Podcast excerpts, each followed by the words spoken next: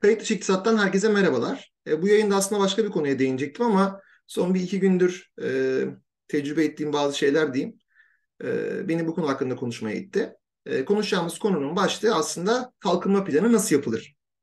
E, yayının başlığı öyle. Kalkınma planı nasıl yapılır veya nasıl yapılmalıdır? Belki de doğrusu budur. Biliyorsunuz Türkiye'de 1961 Anayasası'ndan bu yana kalkınma planları yapılıyor. Anayasal bir zorunluluktu 1961 Anayasası'ndan itibaren ve neydi? Ee, işte kamu göster kamu kesimi için emredici, özel kesim için yol gösterici planlar yapılıyor, kalkınma planları. Bunları e, belli bir tarihe kadar, kapatılana kadar Devlet Planlama Teşkilatı yapılıyordu. 1961 Anayasası'nda kurulmuş, tanımlı bir kuruluş Devlet Planlama Teşkilatı. Tabii daha sonradan içeriği sulandırıla sulandırıla maalesef 1982 Anayasası'ndan sonra da açıkçası bir nevi işte Başbakanlığın vakti zamanında bir böyle danışman e, kuruluşu gibi, danışma kuruluşu haline gelmişti. Sonradan da e, Kalkınma Bakanlığı oldu malum biliyorsunuz.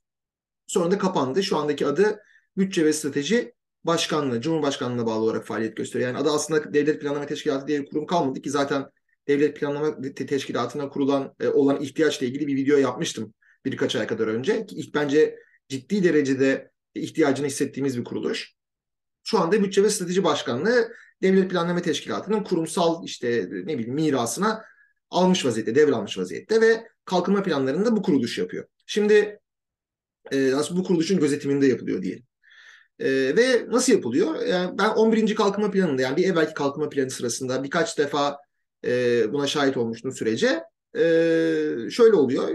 Kalkınma planları 2019-2023 için yapılmış. Şimdi 2024 2028 için yapılıyor. Daha evvelden 2014-2018 için vardı. Bir evvelki kalkınma planı 2019-2023 içinde e, 11. olan. Şimdi 12. olan da 2024-28 için yapılıyor. Bu kalkınma planı sürecinden evvel belli başlıklar belirleniyor. Bunların bir kısmı ekonomiyle ilgili, bir kısmı ise sağlık, e, sosyal refahla ilgili, teknolojiyle ilgili, finansla ilgili, tarımla ilgili, e, hayvancılıkla ilgili vesaire neyse yani devletin önemli olduğunu düşündüğü hemen hemen bütün sektörel mevzuları kapsamaya çalışıyorlar. E, çalışma grupları, özel ihtisas komisyonları oluşturuluyor. Bunlar toplanıyorlar. E, işte akademisyenler, sektör temsilcileri vesaire görüşlerini bildiriyorlar. Bir tane raportör oluyor. Raportör e, orada yapılan tartışmaları ve önerileri, plana girmesini düşündükleri önerilerin e, yazıya geçiriyor vesaire. İşte sonradan da zaten belli bürokratik süreçlerle beraber hazırlanmış oluyor. Fakat şimdi şöyle tabii bir durum var. Genelde maalesef bunlar e, 2019-2023 planın hazırlıkları sırasında da benim karşılaştığım şekilde öyleydi. Yani bir nevi hani böyle derneklerin, kongrelerin toplantılarında, siyasi partilerin veya kulüplerin toplantılarında, yıllık toplantılarında en son böyle gündemin son maddesi dilek ve temennilerdir. Ve yani oraya da kimse kalmaz genelde. İşte mesela başkan seçiminde ne bileyim başkanlık divanı seçiminde kan gövdeye götürür. Dilek ve temennilere gelince kimse kalmaz. İşte 3-5 kişi çıkar bir şeyler söyler. Kimse dinlemez.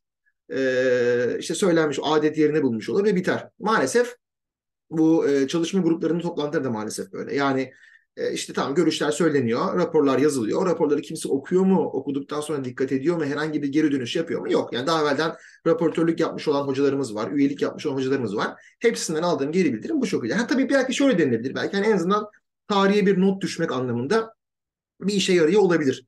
Ve tabii aslında orada hakikaten liyakat sahibi insanlar gittikleri zaman Türkiye ile ilgili, Türkiye ekonomisi kalkınması ile ilgili, e, farklı sektörlerin kalkınma süreçleriyle ilgili hakikaten değerli görüşler bildiriyor olabilirler ve bu görüşler belki de bir ihtimal, hani düşük bir ihtimal de olsa e, politikaya yol gösteriyor olabilir. öyle mi? Ta- tartışılır. Pratikte bu böyle olmayabilir ama en azından e, teoride e, böyle olacağını umut etmeliyiz diye düşünüyorum. Şimdi 2019, 2024-2028 12. Kalkınma Planı e, içinde yine böyle bir süreç başladı. E, ben de şimdi mesela LinkedIn'de, Facebook'ta, Twitter'da e, bazı katılımcıların yani e, bu e, işte çalışma gruplarına üye seçilen e, bazı katılımcıların işte mesajlarını görüyorum. İşte veya işte gene bütçe ve strateji başkanlığındaki bazı e, idarecilerin mesajlarını görüyorum. İşte süreç başladı, vatana millete hayırlı olsun. Görüşlerimizi bildirdik, çok önemli şeyler konuşuyoruz falan. Yani bunlar tabii maalesef hikaye, bunu kabul edelim. E, çok önemli şeyler konuşuluyor olabilir ama bunların maalesef hiçbir yansıması olmayacak pratiğe.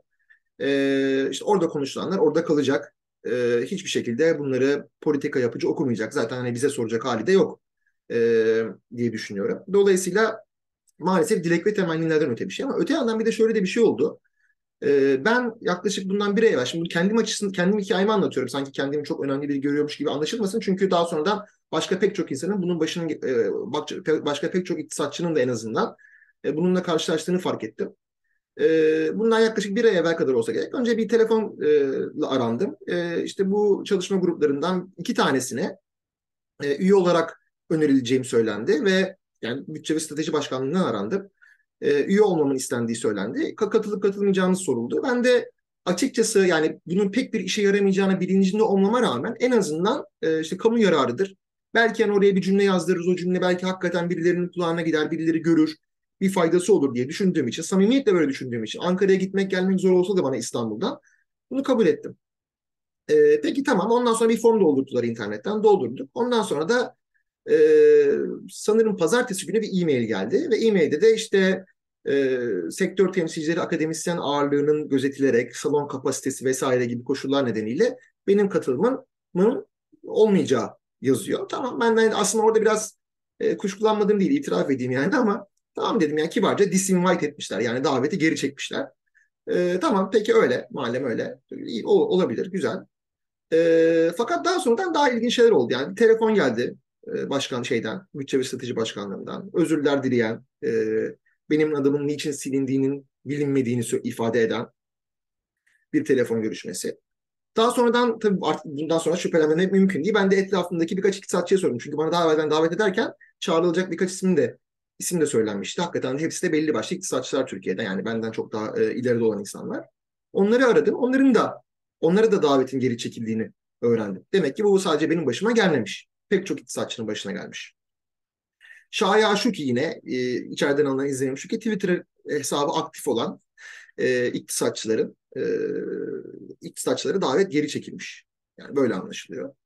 E, ya peki madem öyle ya tabii kamu yararının düşünülmediği, e, vatana hizmet gibi bir derdin olmadığı anlaşılıyor bu gelişmelerden. Yani en azından bu organizasyon yapılırken işte muhtemelen 5 yıldızlı otellere verilen kiralarla işte 5 yıldızlı otellerden salonlar kiralanıp ve oraya katılan üyeler yedirilip içirilip otellerde konaklattırıp gönderilecek.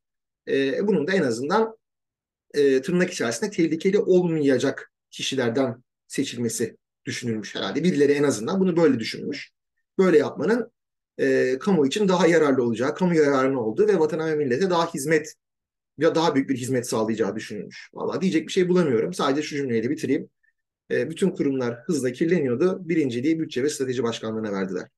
E, beni dinlediğiniz için teşekkür ediyorum. Hepinize iyi günler diliyorum.